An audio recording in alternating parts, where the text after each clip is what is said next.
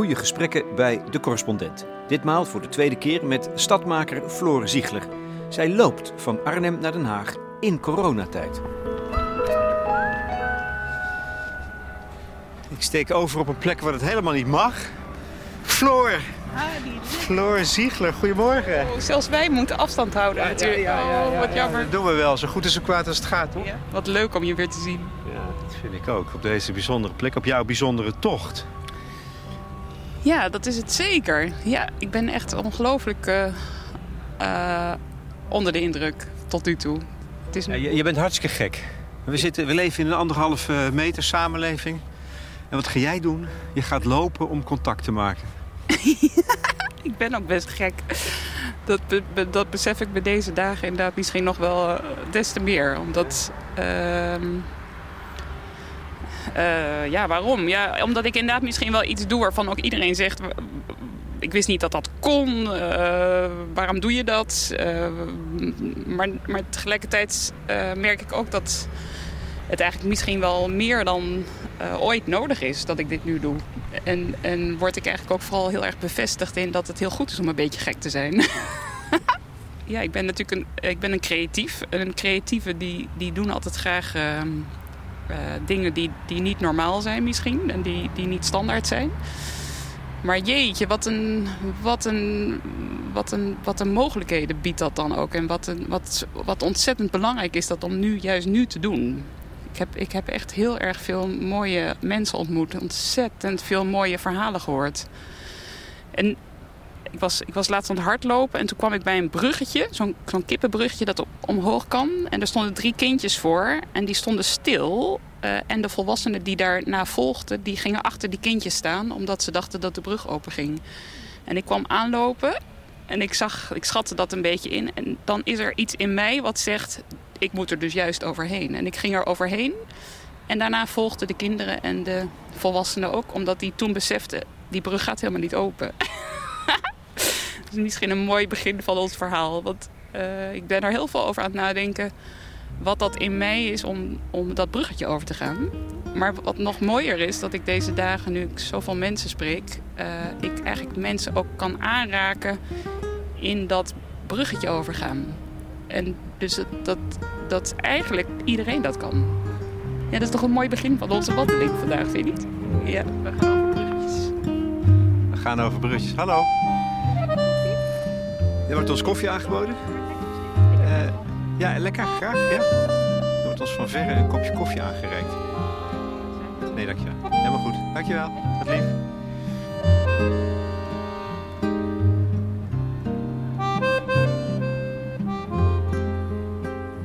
We liepen een half jaar geleden al eens door een wijk in Amsterdam en toen ontdekte ik hoe eenvoudig en effectief de methode van Floor is. Ze gaat lopen, letterlijk, stelt zich open voor wat zich aandient en binnen de kortste keren komen de verhalen boven. Weet ze boven tafel te krijgen wat er speelt in een wijk en wat je er in concreto aan zou kunnen doen. Nu beweegt ze zich van Arnhem, waar ze opgroeide, naar Den Haag, waar beleid gemaakt wordt. Deze tocht is anders. Ja, in coronatijd is alles anders. De vraag is, gaat het ook blijven? Leidt dit tot de grote verandering waar veel mensen naar snakken? Deze tocht is anders inderdaad, omdat ik uh, de afgelopen weken, uh, zoals iedereen, heel veel binnen zat. Heel veel thuis, uh, veel aan het praten, achter de Zoom, ontzettend veel aan het denken. met visionaire creatieven aan het fantaseren van hoe kunnen we nou de wereld na corona echt, echt structureel gaan veranderen. En toen klonk er steeds een stemmetje in mijn hoofd van... ja, maar Floor, nu is dus het moment om naar buiten te gaan. Want ook ik moet uh, weer gaan luisteren wat er speelt bij de Nederlanders... voordat ik kan bedenken hoe die wereld na corona uh, herontworpen kan worden.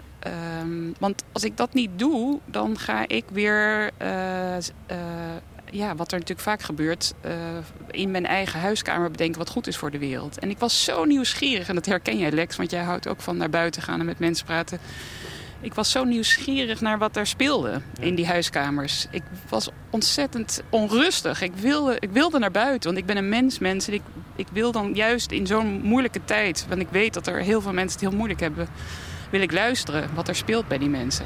Jij hebt waarschijnlijk net als ik ook het gevoel dat er heel veel initiatieven worden genomen. Heel veel kansen worden gegrepen. Die liggen er niet, maar die worden nu gegrepen, worden benut. Maar verspreid, versnipperd. Precies. Dat was natuurlijk het andere wat ik, wat ik om mij heen hoorde, wat ik las in de kranten. Ontzettend veel mensen staan nu op en gaan eigenlijk stad maken. Dus ik zeg steeds, wat er momenteel gaande is, is het grootste stadmakersproject wat er ooit uh, is geweest en wat er ooit gaat komen. En nou ja, je weet, stadmaker is dan voor mij het symbool eigenlijk voor de mens die opstaat en zegt: ik kan mijn eigen leven uh, en leef, leefomgeving beter, mooier, duurzamer, creatiever maken. En ineens zien we dat overal in het Nederland in, in, in het groot en klein gebeuren. Dus ik dacht, ja, als ik nu niet naar buiten ga en, en daarnaar ga luisteren, dan ben ik eigenlijk ook uh, mijn rol als ik voel me toch een beetje een soort moeder van, van die stadmakers. Uh, ik moet daar zijn. Ik moet er voor al die mensen zijn die, die, die, waar ik dan weer mijn kennis en ervaring mee kan delen, hoe je dat groter kan maken. En een soort netwerk maken. Allemaal knopen met elkaar verbinden. Precies, dat is nu, dat is denk ik, moet de, de, de, de, rode draad worden van, van het nieuwe verhaal. Want er zijn inmiddels heel veel mensen, uh, heel veel stadmakers die, die dit vak uh, hebben ontwikkeld. Die, die de sleutelfiguren in die wijken zijn. Uh, Inmiddels zijn er dus een heleboel bewoners in al die wijken die dus ook nu uh, kleine stadmakersprojecten initiëren. Dus die gaan weer soep koken voor hun buren, die gaan bloemen bezorgen bij ouderen, die gaan kinderen gaan tekeningen maken voor, voor zieke mensen. Het is onwaarschijnlijk wat je ziet gebeuren. En dus dit is het moment om al die sleutelfiguren, al die stadmakers die dit, die dit beheersen, om die bewoners te helpen bij dit soort ideeën, om die te gaan verbinden. En dat is wat ik eigenlijk nu ook met um, Tabel Goudswaard, Marlijn Twaalfhoven en Sjoerd Bootsma... Uh, wij hebben de handen in één geslagen en we hebben gezegd... Stel dat wij met al onze netwerk van al die social designers en al die uh, kunstenaars, al die creatieve geesten in het land uh, op het gebied van maatschappelijke thema's onze krachten gaan bundelen. En we hebben nu de, dus de Sociaal Creatieve Raad genoemd. Dan kunnen we verschil gaan maken. Want de types zoals wij, die dus al heel veel jaren uh, werken aan dit soort uh, maatschappelijke thema's met creatieven, daarvan zijn er natuurlijk inmiddels dus veel meer. Het punt is dat die nooit verbonden zijn. En we willen een raad gaan maken, dus van 50 types zoals wij, met gigantische netwerken.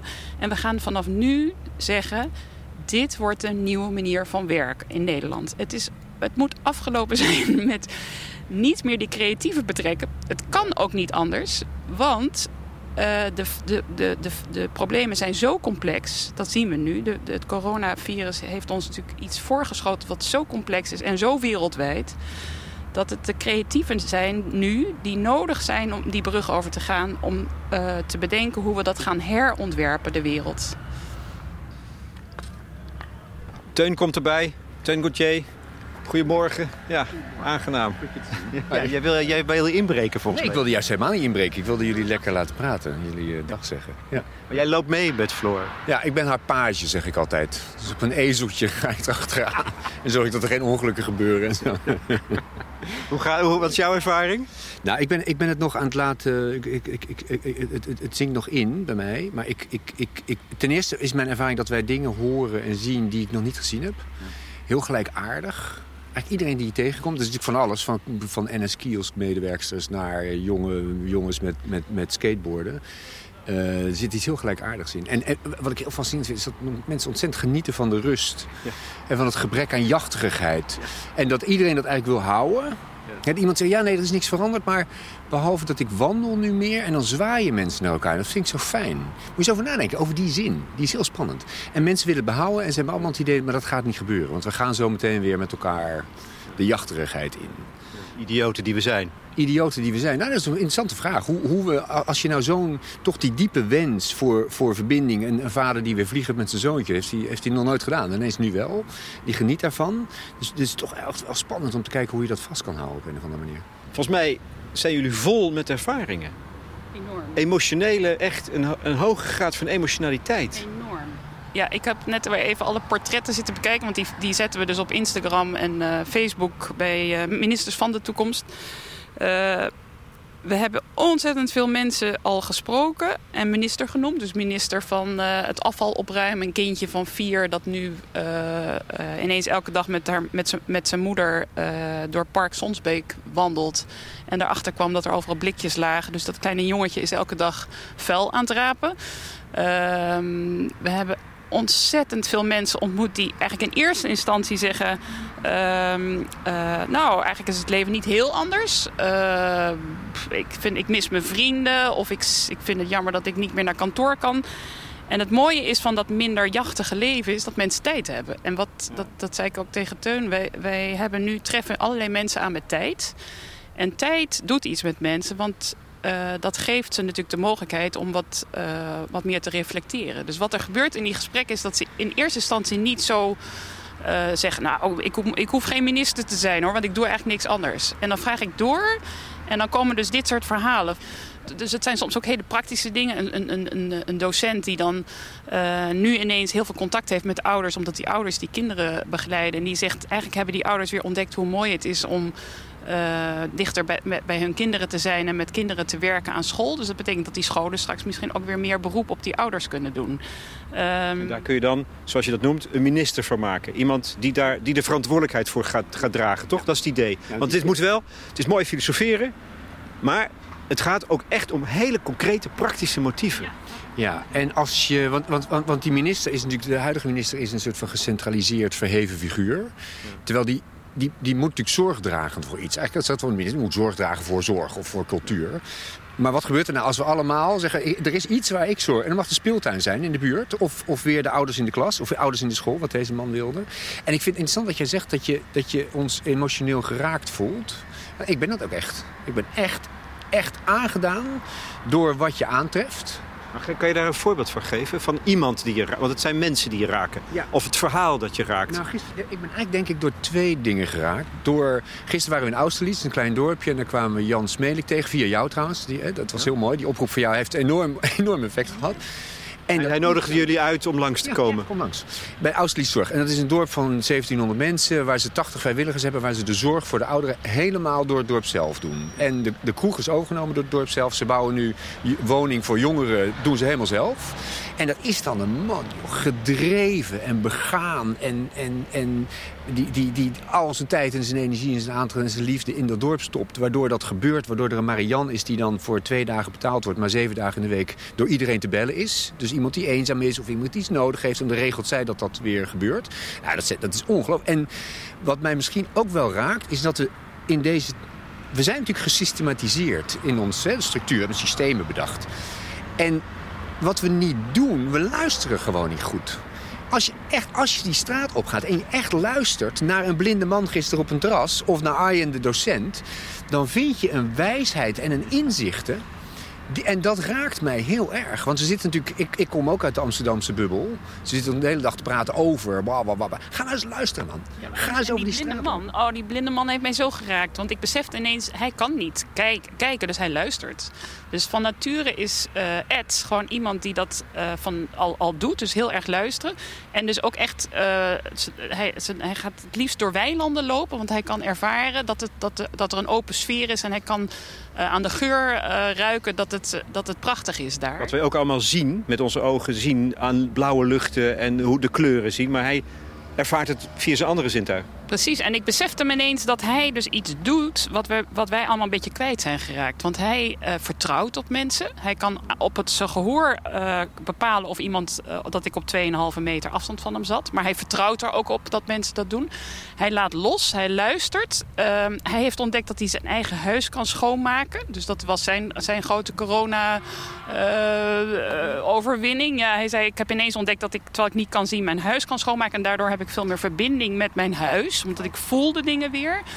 En dan denk ik, wat een klein, gigantisch klein geluk. Maar hoe groot is dat? Wat er in, in al die mensen nu is gebeurd... is dat ze gaan zijn gaan beseffen dat geluk natuurlijk over iets heel anders gaat.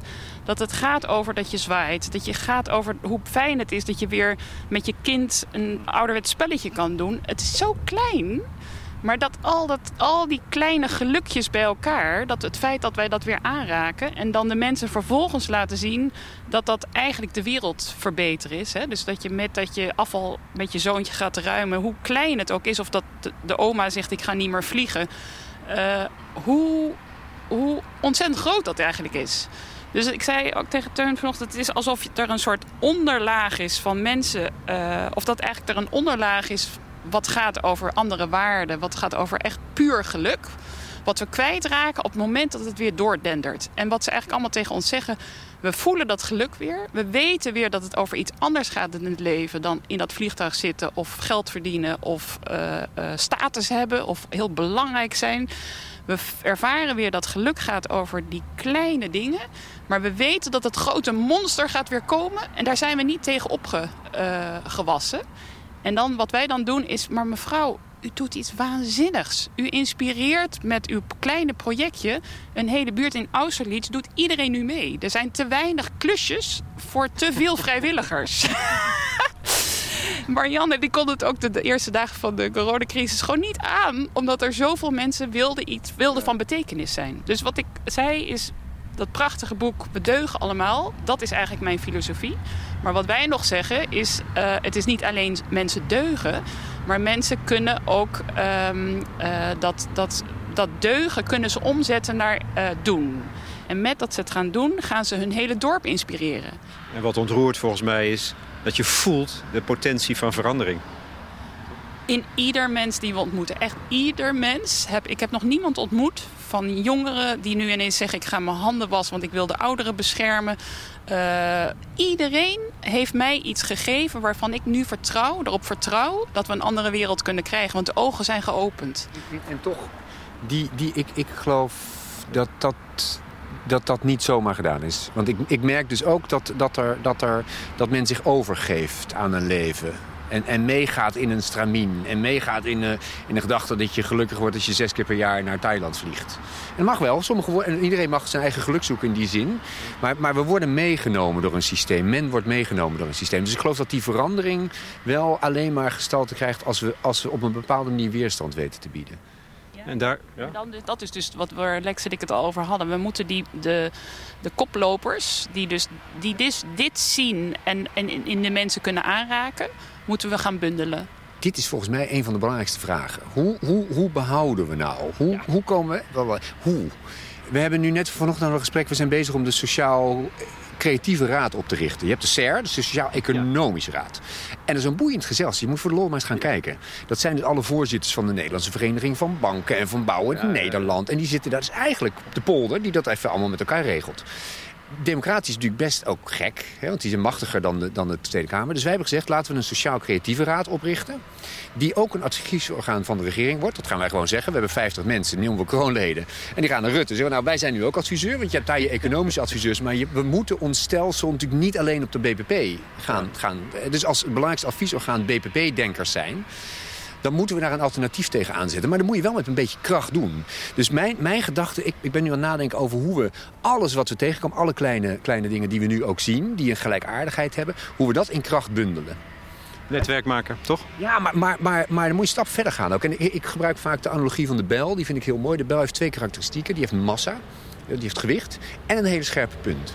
Dus je moet iets verzinnen waardoor je, waardoor je dit op een hele scherpe punt, paf, ergens inzet. Begrijp je? Daar, daar zoek ik naar. Nou, je hebt misschien gehoord, gisteren zei Rutte ook al... Hè, van we moeten de jongeren betrekken. De jongeren, uh, kom maar met jullie innovatieve, creatieve ideeën. Dat is een grote stap wat Rutte daar doet. Want dat betekent dat hij beseft dat er in die samenleving oplossingen liggen... die we moeten gaan betrekken. En uh, dus die jonge mensen, de Jans van, de, van Austerlitz... die dus eigenlijk al lang heeft laten zien dat je de wereld met elkaar uh, kan vormgeven Gecombineerd natuurlijk met die systeemwereld. Want dat heb ik altijd gezegd. Het is helemaal niet zo dat we ons daartegen afzetten, maar dat we daarmee samenwerken. Dat zei Jan gisteren ook in Austerlitz. Ze werken elke dag met die ambtenaren samen aan dat dorp. Dus, maar het gaat natuurlijk om dat uh, die creatieven, die stadmakers, uh, gelijkwaardig komen te staan aan al die andere invloedrijke mensen. En dat, en dat zit ook in onszelf. Wij moeten daar veel sterker in gaan optreden en ons, ons groter maken dan we zijn. Ik kan niet wachten. We gaan wandelen. Hè?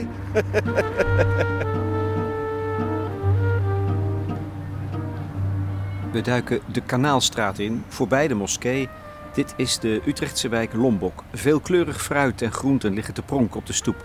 Hallo. Een jonge vrouw steekt schielijk over, laat zich toch even tegenhouden voor een vraag. Is er door corona iets veranderd in je leven? Ehm, ja, mijn leven ziet er best anders uit. Ik heb normaal gesproken best wel een sociaal leven en ik werk in eh, Amsterdam. Ja. Waar ik met OV heen ga, dus dat doe ik niet meer. Ik werk dan thuis. Ja. Eh, en het sociale leven mis ik wel heel erg. Alhoewel het op de kanaalstraat hier wel meevalt. Want ja, hier, hier is het leven eigenlijk niet echt veranderd. Alleen de eerste twee weken was het een beetje anders. En is er ook iets wat je, wat je anders bent gaan doen wat wel fijn is aan deze tijd? Eh, ja, ik heb heel veel nieuwe hobby's opgepakt. Oké. We gaan drummen. Eh, ik heb een bordspel, bordspel gemaakt. Ehm, spel gemaakt? Ja. Ja, nou is nog niet af, maar Ja. Maar het idee staat. Dus eh, die gaan we nog uitwerken. En, eh. Het is een spel waarbij je eh, begint als student. En ehm, iedereen eh, heeft aan het begin van het spel kies je een levensweg. En we moeten natuurlijk niet te veel verklappen, want anders dan wordt het concept nog Het wordt, ja, het wordt, het wordt echt niet gekaapt. Het is van jou nu. Hoe heet jij trouwens? Ik heet Janine. Janine, ja. Ehm, en dan, eh, ja, we hebben het nu ook een beetje toegepast op vrienden dan echt. Dus het is wel heel persoonlijk, maar in principe kan je het nog wel eh, wat algemener uitwerken. En je kiest dus een levensweg en daar werk je dan naartoe. En dan kan je dus gedurende het spel kan je kaartjes trekken en dan eh, daar punten voor krijgen. Gebaseerd op keuze en kans. Maar dat betekent dat je daarmee door het spel ook reflecteert op het leven dat je leidt? Nee, niet per se. Nee, nee. En het is ook niet zo, want je hebt nog wel andere spellen die daar ook een beetje op lijken. En dan gaat iedereen een carrière en iedereen die gaat eh, trouwen en kinderen en dat soort dingen. En dan ben je klaar of zo met het leven. Dan heb je het gehaald of ge- ja, weet ik, gewonnen. Dat vind ik een beetje raar. Dus wij hebben dan eh, ook andere levenswensen. Dat je ook, eh, nou, wereldverbeteraar of, of wereldberoemd. Wauw, mooi.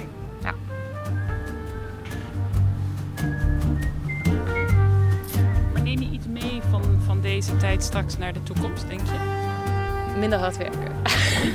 Minder hard werken, meer tijd voor mezelf. Heel mooi om dit van jou te horen. Zal ik je over een half jaar bellen en vragen of je nog steeds meer rust houdt? Dat vind ik een goed idee. Ja hoor, dat mag. Ja, Dan ga ik even je nummer opschrijven. dat is goed. En ben ik heel benieuwd of je dan eh, over een half jaar nog steeds zegt dat je meer rust hebt. Ja, dat is goed. Ja?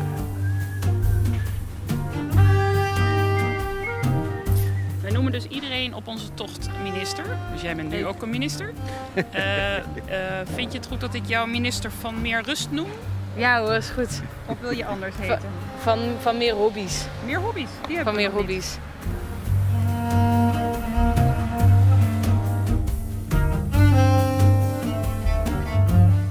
Ah, mag ik heel even deze meer wat vragen? Bij de geldautomaat.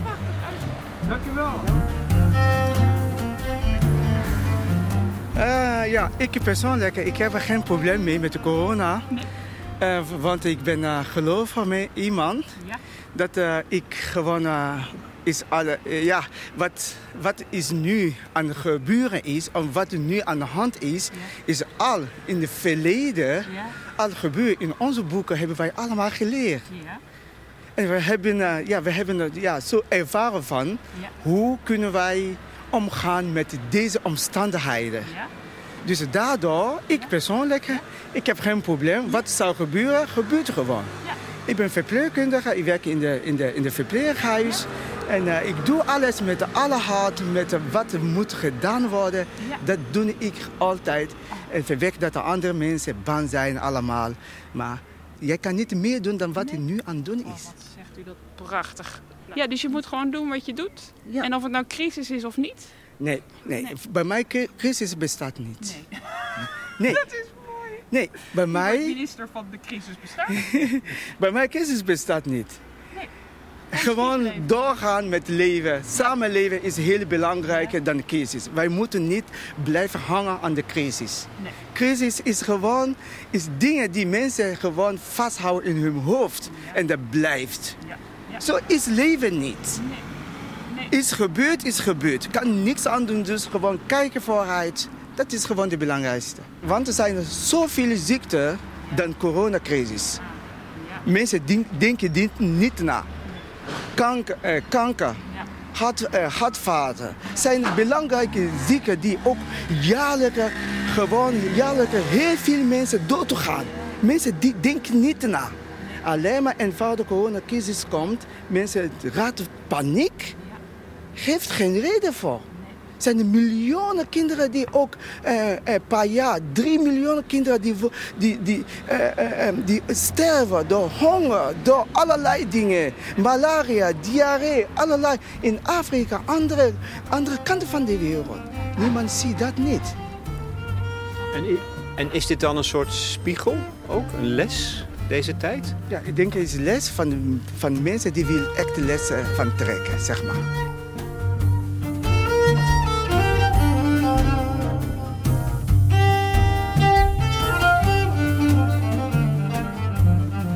Als je kijkt naar mijn werk, mijn collega's, ze snappen niet. Ze leren van mij elke dag. Ze zeggen, Abbas, waarom ben je zo altijd positief? Ben je, waarom ben je zo altijd blij? Wat, wat doe jij? Hoe leef jij? Ik heb geprobeerd gezegd, nou, leven is zo eenvoudig. Hoe eenvoudig willen mee, gaat mee. Maar als je is als je, als je wil moeilijk leven, gaat ook op zo'n manier. Ik heb altijd mijn best gedaan om makkelijker te leven. En uh, God helpt mij, dan leef ik hoe dan ook, hoe omstandigheid is, blijf ik gewoon heel sociaal, heel open, heel makkelijk te leven met iedereen. Hoe wil jij minister van zijn? Wat past bij jou? Uh, sociaal van, uh, van de sociale zaken. Ja. ja? Ja. Graag gedaan.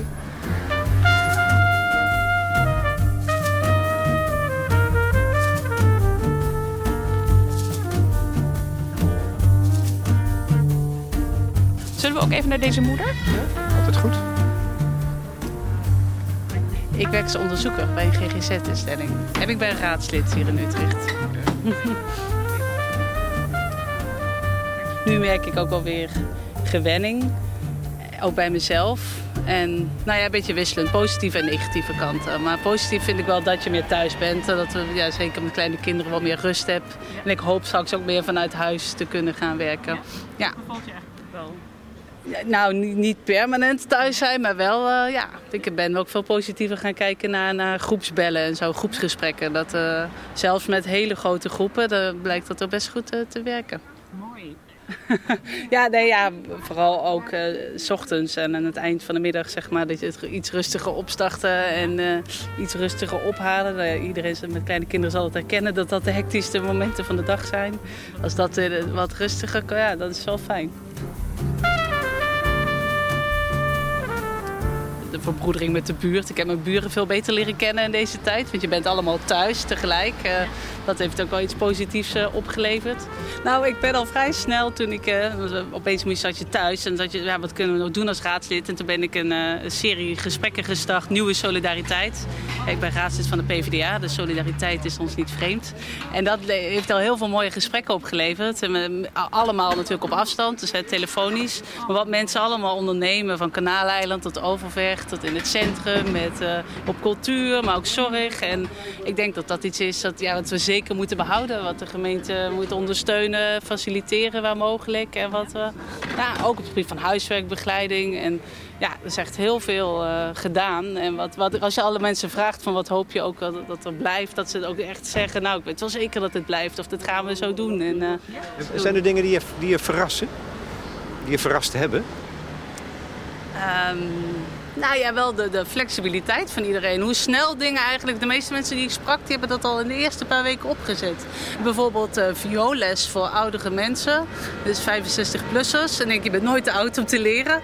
En dat ze dat op afstand, hè, alles digitaal. Dan kregen ze een leeninstrument van de, van de muziekschool. En het was niet alleen vioolles trouwens. 25 verschillende instrumenten. En dan drie weken lang, elke dag, kregen ze ochtends een uurtje... Uh, um, tutorial thuis, zeg maar. En smiddags konden ze dan vragen stellen en zo. Uh, ja, dat is wel iets. Uh, en dat is ook, denk ik, voor die, uh, voor de cultuursector, ja, heel erg wennen. Dat je natuurlijk nooit voor mogelijk gehouden dat je op afstand les kon geven. Maar ook daar zeggen ze nu, ja, weet je, eigenlijk kan het ook wel. Of is het ook mogelijk?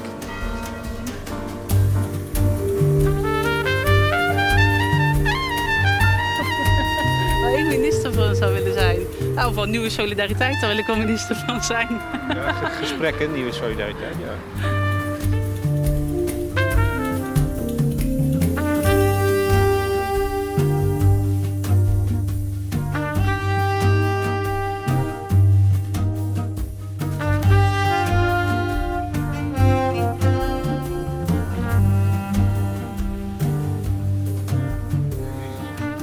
evalueer je onmiddellijk in je eigen hoofd?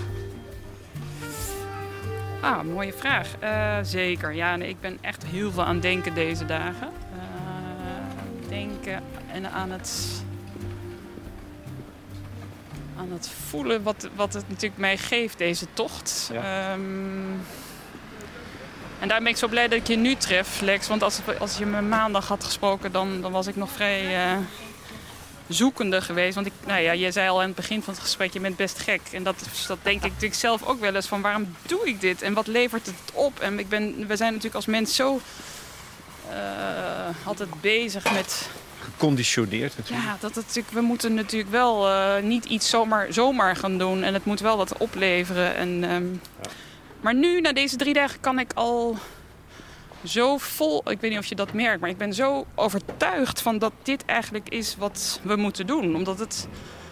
Dit is wat we altijd overslaan. We, we gaan niet naar die mensen hun levens luisteren, naar hun drijfveren, naar uh, wat er werkelijk speelt in hun, in hun levens. En daar zit het geheim, daar zit de sleutel. Uh, nu we dus zien dat in al die mensen, zelfs nu in deze moeilijke tijd, die veerkracht zit en dat eigenaarschap en, dat, en dat die verantwoordelijkheid die mensen voelen om, om iets te gaan doen uh, om de wereld beter te maken, echt in iedereen, dan kan je daar natuurlijk echt uh, op vertrouwen dat dat er is.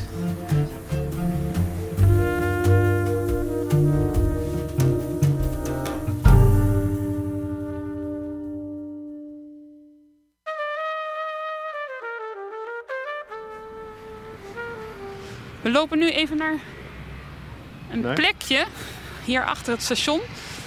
Um, ja, het midden van de, van de kantoorkolossen, die reizen daar achterop. Staat daar een schitterende, kleurrijke treincoupé met een wapperende vlag. Dit is volgens mij een project van een stadmaker. Ik ken hem niet, uh, maar ik heb er wel al over gehoord. Uh, en het lijkt mij leuk om even op de deur te kloppen en te kijken of um, Ramiro uh, er is. Ik ken hem niet. Ik weet dat hij, hij actief is in Utrecht. Hij zit hier in Lombok. En volgens mij kunnen we even met Ramiro gaan, uh, ja. van hem gaan horen wat er op stadmakersgebied speelt in de, deze wijk. Perron West hangt hier een plakkaat. Huur, werkruimte, start evenement. Werk met ons samen. Klein trapje op. is dicht. Hij is er niet. Hij is dicht.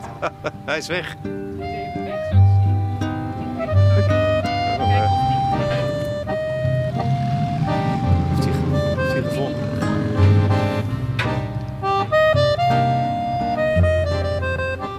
Nou ja, dat. Dan hebben we even pauze.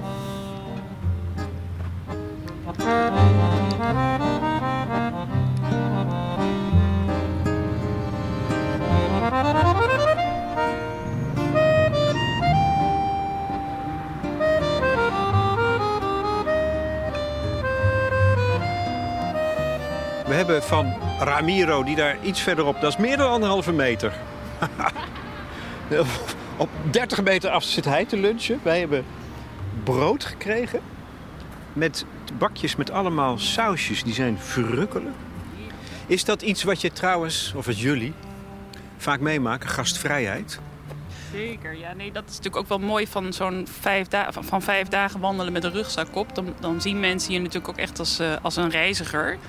Um, en die gasvrijheid waar we het net over hadden, die herken ik heel erg. Als ik, als ik in een dorp kom of in een, in een, in een, in een wijk, dan uh, heb ik eigenlijk heel regelmatig dat ik, dat ik na vijf minuten al door mensen word uitgenodigd in hun huiskamer. Uh, dat ik te drinken of te eten aangeboden krijg. Dat ik. Um, uh, nou, dat mensen ook tips willen geven of me, me, een briefje in de hand duwen met initiatieven in de wijk. Dus mensen willen ontzettend graag uh, je helpen. Uh, want dat geeft hun ook een gevoel van uh, ik draag iets bij, ik ben, ik ben waardevol, ik ben van betekenis. Dat is natuurlijk denk ik het, het, het wat, wat, wat uiteindelijk waar we allemaal gelukkig van worden. Dus eigenlijk bied je je als reiziger aan aan de mensen om, om even van betekenis te zijn. Ik stuurde maandag, afgelopen maandag een notitie uit bij de correspondent. Zo van, nou meld je met initiatieven. Die komen uit alle hoeken en gaten. Ehm, niet altijd bruikbaar, omdat je, je, loopt maar een beperkt traject van Arnhem naar Den Haag. Dus dat kan niet overal. Ehm, maar wat ik geloof ik heel sterk vind als jullie... dat je het wel altijd opvolgt. Ook hier als je op straat loopt en je zegt... ik bel je over een half jaar. Dan is dat geen loze belofte. Nee, volgens mij is dat wat wij, wat wij inderdaad het liefste doen. Gewoon uh, op het moment dat we potentie zien in mensen of een, een, een idee om daar ook echt iets mee te doen. Uh, ja, ik, ik, dat komt ook omdat ik dat uh, zelf ook echt gewoon, daar word ik het meest gelukkig van. Als ik iets in mensen zie opbloeien, een potentie, om ze daar dan bij te helpen, vind ik zelf het mooiste wat er is. En ik zei net tegen je, Lex, dat zo'n zo'n vooraankondiging van jou is dus ook ontzettend waardevol voor ons. En ook ons vorige gesprek wat we hebben gehad. Ik heb zoveel mails ontvangen uit Nederland. Nog steeds bijna wekelijks schrijven mensen mij nu, uh, uh, vertellen ze over hun eigen initiatief en vragen ze mogen we aansluiten bij de Stadmakerscoöperatie. Wil je ons helpen?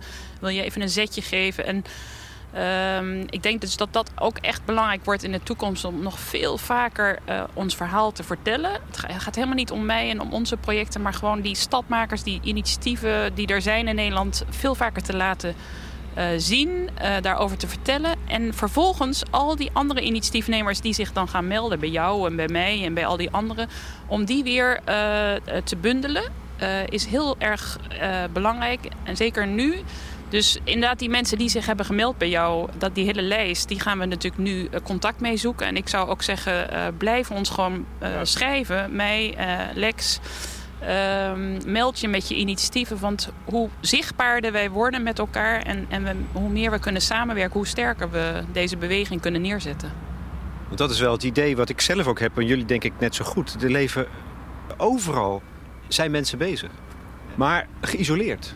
Terwijl je hebt het gevoel, er is zo'n potentie als je het met elkaar zou weten te verbinden allemaal. Ja, nou en dat zie je dus nu ook het afgelopen... De, de, de, we hebben denk ik een half jaar geleden gewandeld. Hè? En, en ik denk dat inmiddels onze stadmakerscoöperatie is nu op Stadmakers Online gegroeid naar 360. Uh, nou, daar staan lang nog niet alle mensen op die erop zouden kunnen staan.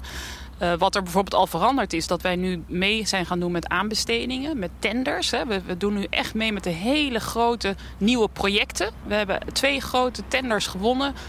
Uh, met een heleboel stadmakers.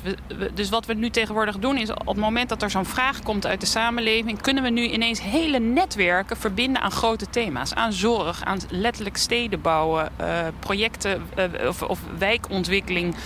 Maar ook aardgasvrij bijvoorbeeld. Hè. We hebben echt nu met uh, uh, het OFL.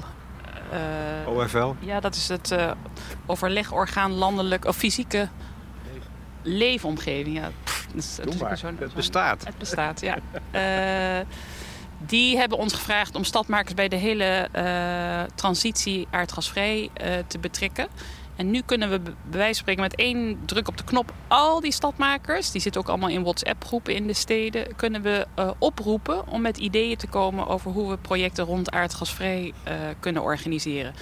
Dat zegt nogal wat, hè? want dat betekent dat um, als er dus nog veel meer stadmakers zich gaan melden. En, en, en Jan van Austerlitz, uh, Siebrand in, in, in het noorden, in Friesland, die al die dorpen helpt met uh, de energietransities. Als wij allemaal een netwerk vormen, ja, dan kunnen we ook veel meer uh, uh, invloed hebben. En dan kunnen we ook tegen de systeemwereld zeggen: kom maar met jullie vragen, kom maar met jullie, met jullie complexe maatschappelijke vraagstukken. Wij kunnen met elkaar daar ehm, een hele belangrijke rol in spelen.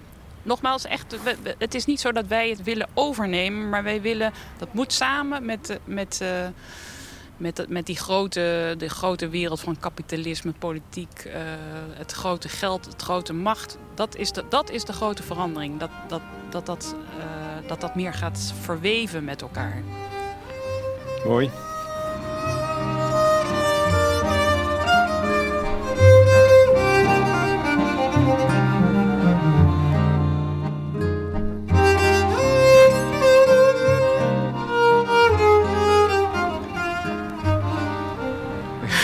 Wat een lunchplek.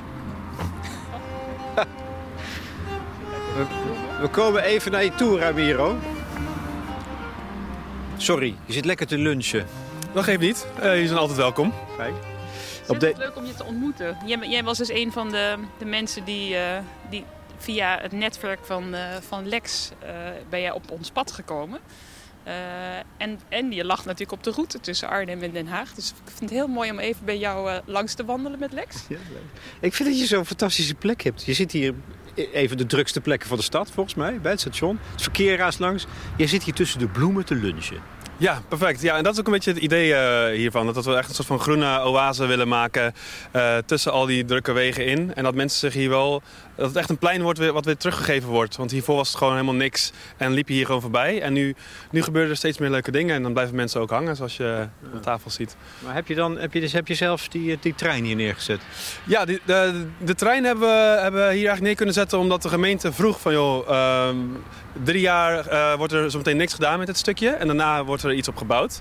Uh, hebben jullie ideeën ervoor om, om dit stukje levendig te maken? En toen nou, hebben we samen met wat buurtbewoners uh, hebben eigenlijk een groepje gevormd. Uh, en hebben we eigenlijk een aanbod gedaan van, joh, wij, wij, kunnen wel, wij hebben wel ideeën, we willen wel iets organiseren.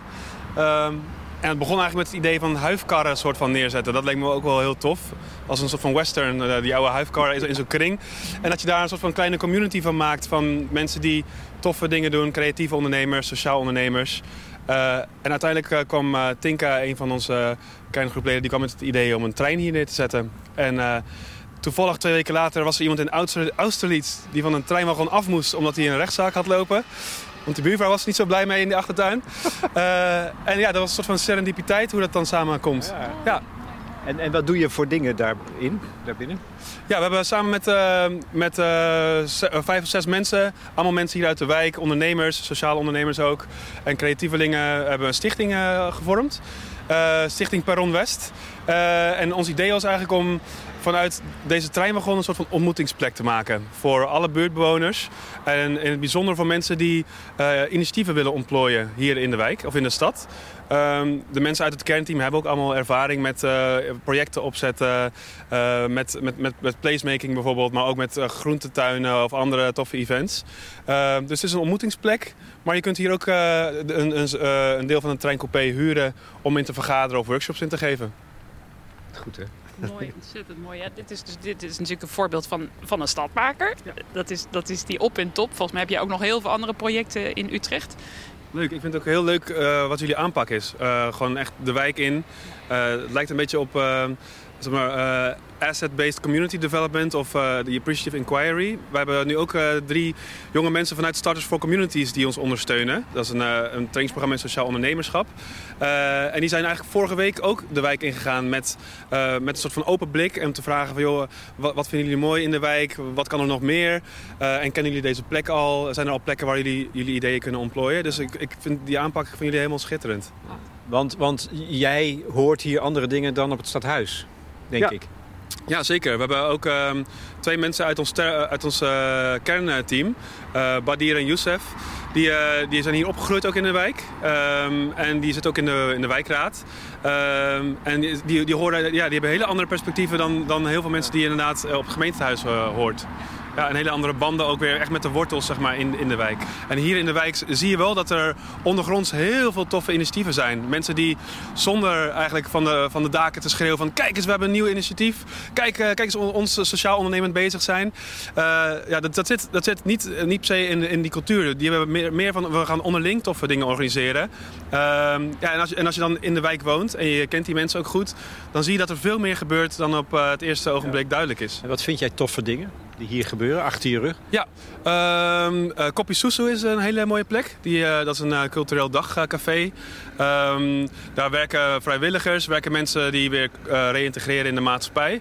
Maar dat is echt zo'n plek wat een soort van ja, third place is. Dus je hebt je, je, woonplek, je, je, woonkamer. En dit is een soort van de, de, extensie van je woonkamer. Zo voelt het van mij ook. heel laagdrempelig. Eh, iedereen is daar welkom. Iedereen wordt aangespoord als je een idee hebt om daar iets te organiseren. Uh, muzikale avondjes, andere dingetjes. dat hebben we hier bij Perron West ook. En we merken vaak dat, dat eigenlijk iets simpels organiseren als een borrel. We hebben hier een borrel die heet Dwarsliggers. En dat is eigenlijk voor mensen die iets, iets, willen, iets willen doen. een beetje sociaal ondernemende, creatieve ondernemers. Uh, als, je, als je gewoon eten en drinken uh, aanbiedt... en ook zorgt dat het halal is bijvoorbeeld... dan, dan is het veel laagdrempeliger. komen die ideeën vanzelf wel los. Maar zo, het, moet, het moet ook... hoe zeg het? De ja, revolutie of verandering of de transitie moet ook wel echt leuk zijn. Want anders doen mensen niet mee.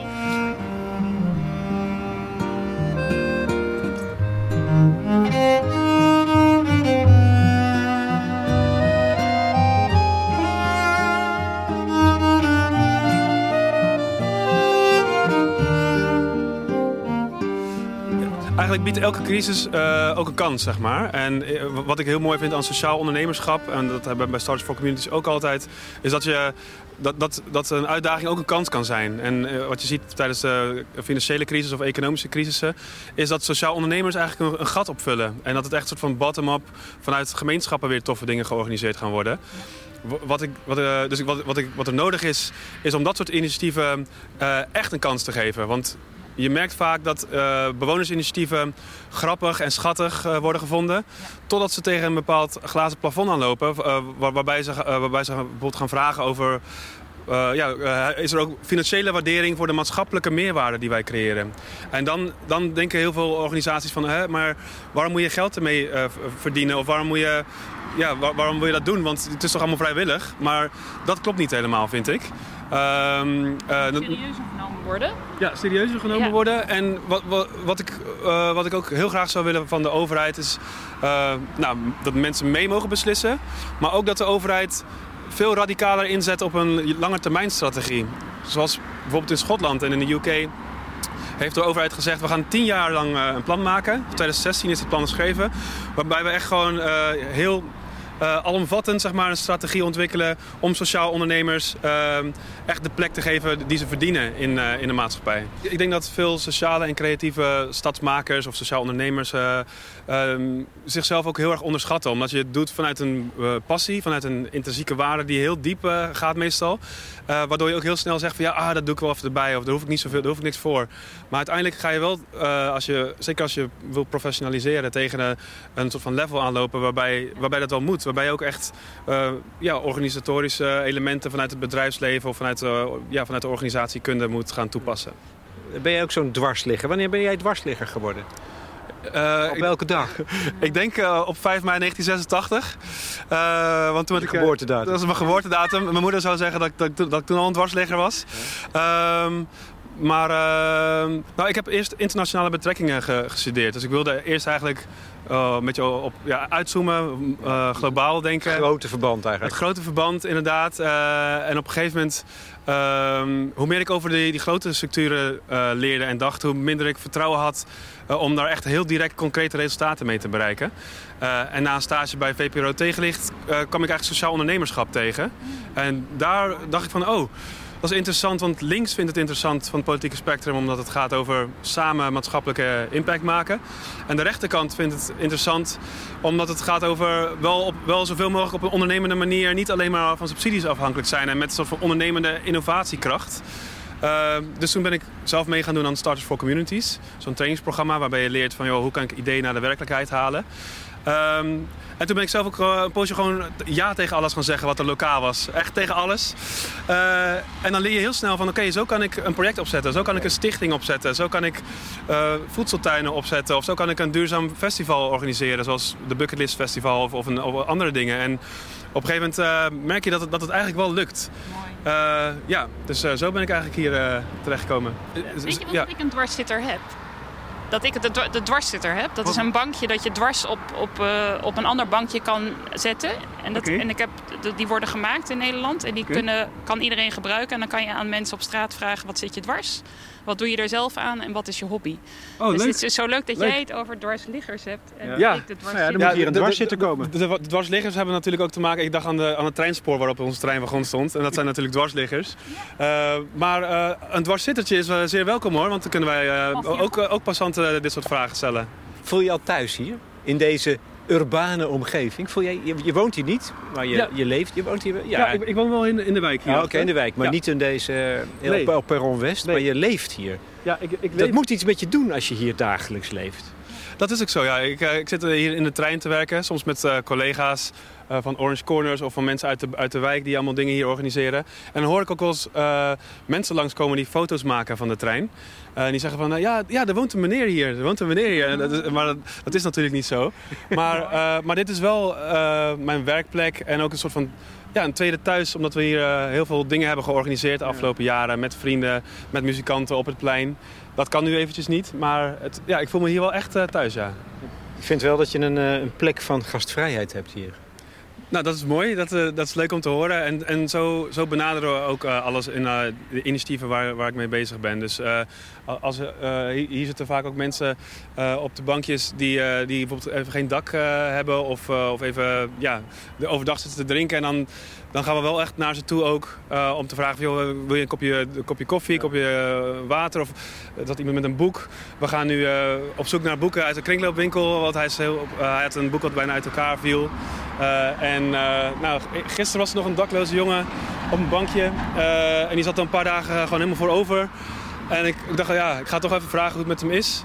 Maar dan blijkt het gewoon echt dat hij ook een hele reeks van pech heeft gehad en een paar verkeerde beslissingen. En u- uiteindelijk eh, hebben we hem eh, naar een, dak, eh, naar een opvang eh, kunnen brengen. Eh, en nu, nu, nu ben ik een beetje aan het kijken, of, joh, kan hij misschien als fruitteler ergens aan de slag of zo. En dat hoort ook wel bij, bij, bij zo'n plek als dit. En ook bij de voedseltuin en bij andere initiatieven hier in de stad. En dat is een beetje dat, dat, dat eh, minister eigenlijk zijn. Gewoon echt dienend, dienend zijn, zeg maar. Dan eh, gebeuren er mooie dingen. Wil je minister van het dienen zijn? Ja, nou op zich wel, ja. Ja. Heel mooi bij jou passen. Ja. Mooi, we hebben er eentje gevonden. Dankjewel. Is goed, dankjewel. Jullie ook. Heel erg Alle goed. En succes met jullie wandeling.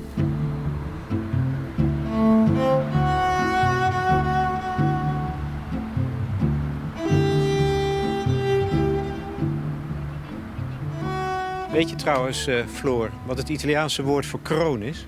Nou, Corona. oh echt? Oh ja, tuurlijk, dat wist ik wel. Ja, tuurlijk, dat wist ik. Ja. Wauw. Je hebt coronaleden. Ja, bijzonder. Nou, misschien moeten we het dan maar zo gaan noemen, hè? De corona, de coronaleden. Zeg, eh, We gaan stoppen. je moet weer verder, volgens mij. Ja, ook dat. Dit, zo kom ik natuurlijk nooit in Den Haag. Dat is het probleem, denk ik, hè? dat je overal kunt, lang kunt Als ik blijven. eenmaal eh, de straat op ga, dan, dan kom ik niet in Den Haag.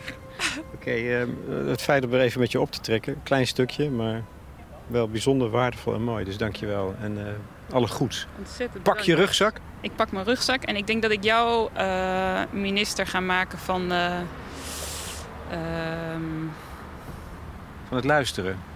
dat ben je sowieso. Maar ik ben je ook heel dankbaar, Lex.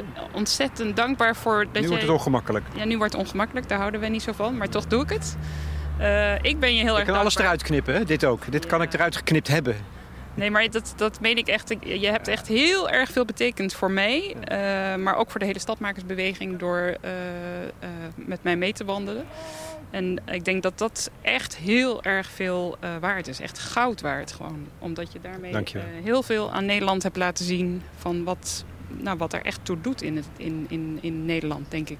Dus Het is, wederzijds. Dank je wel.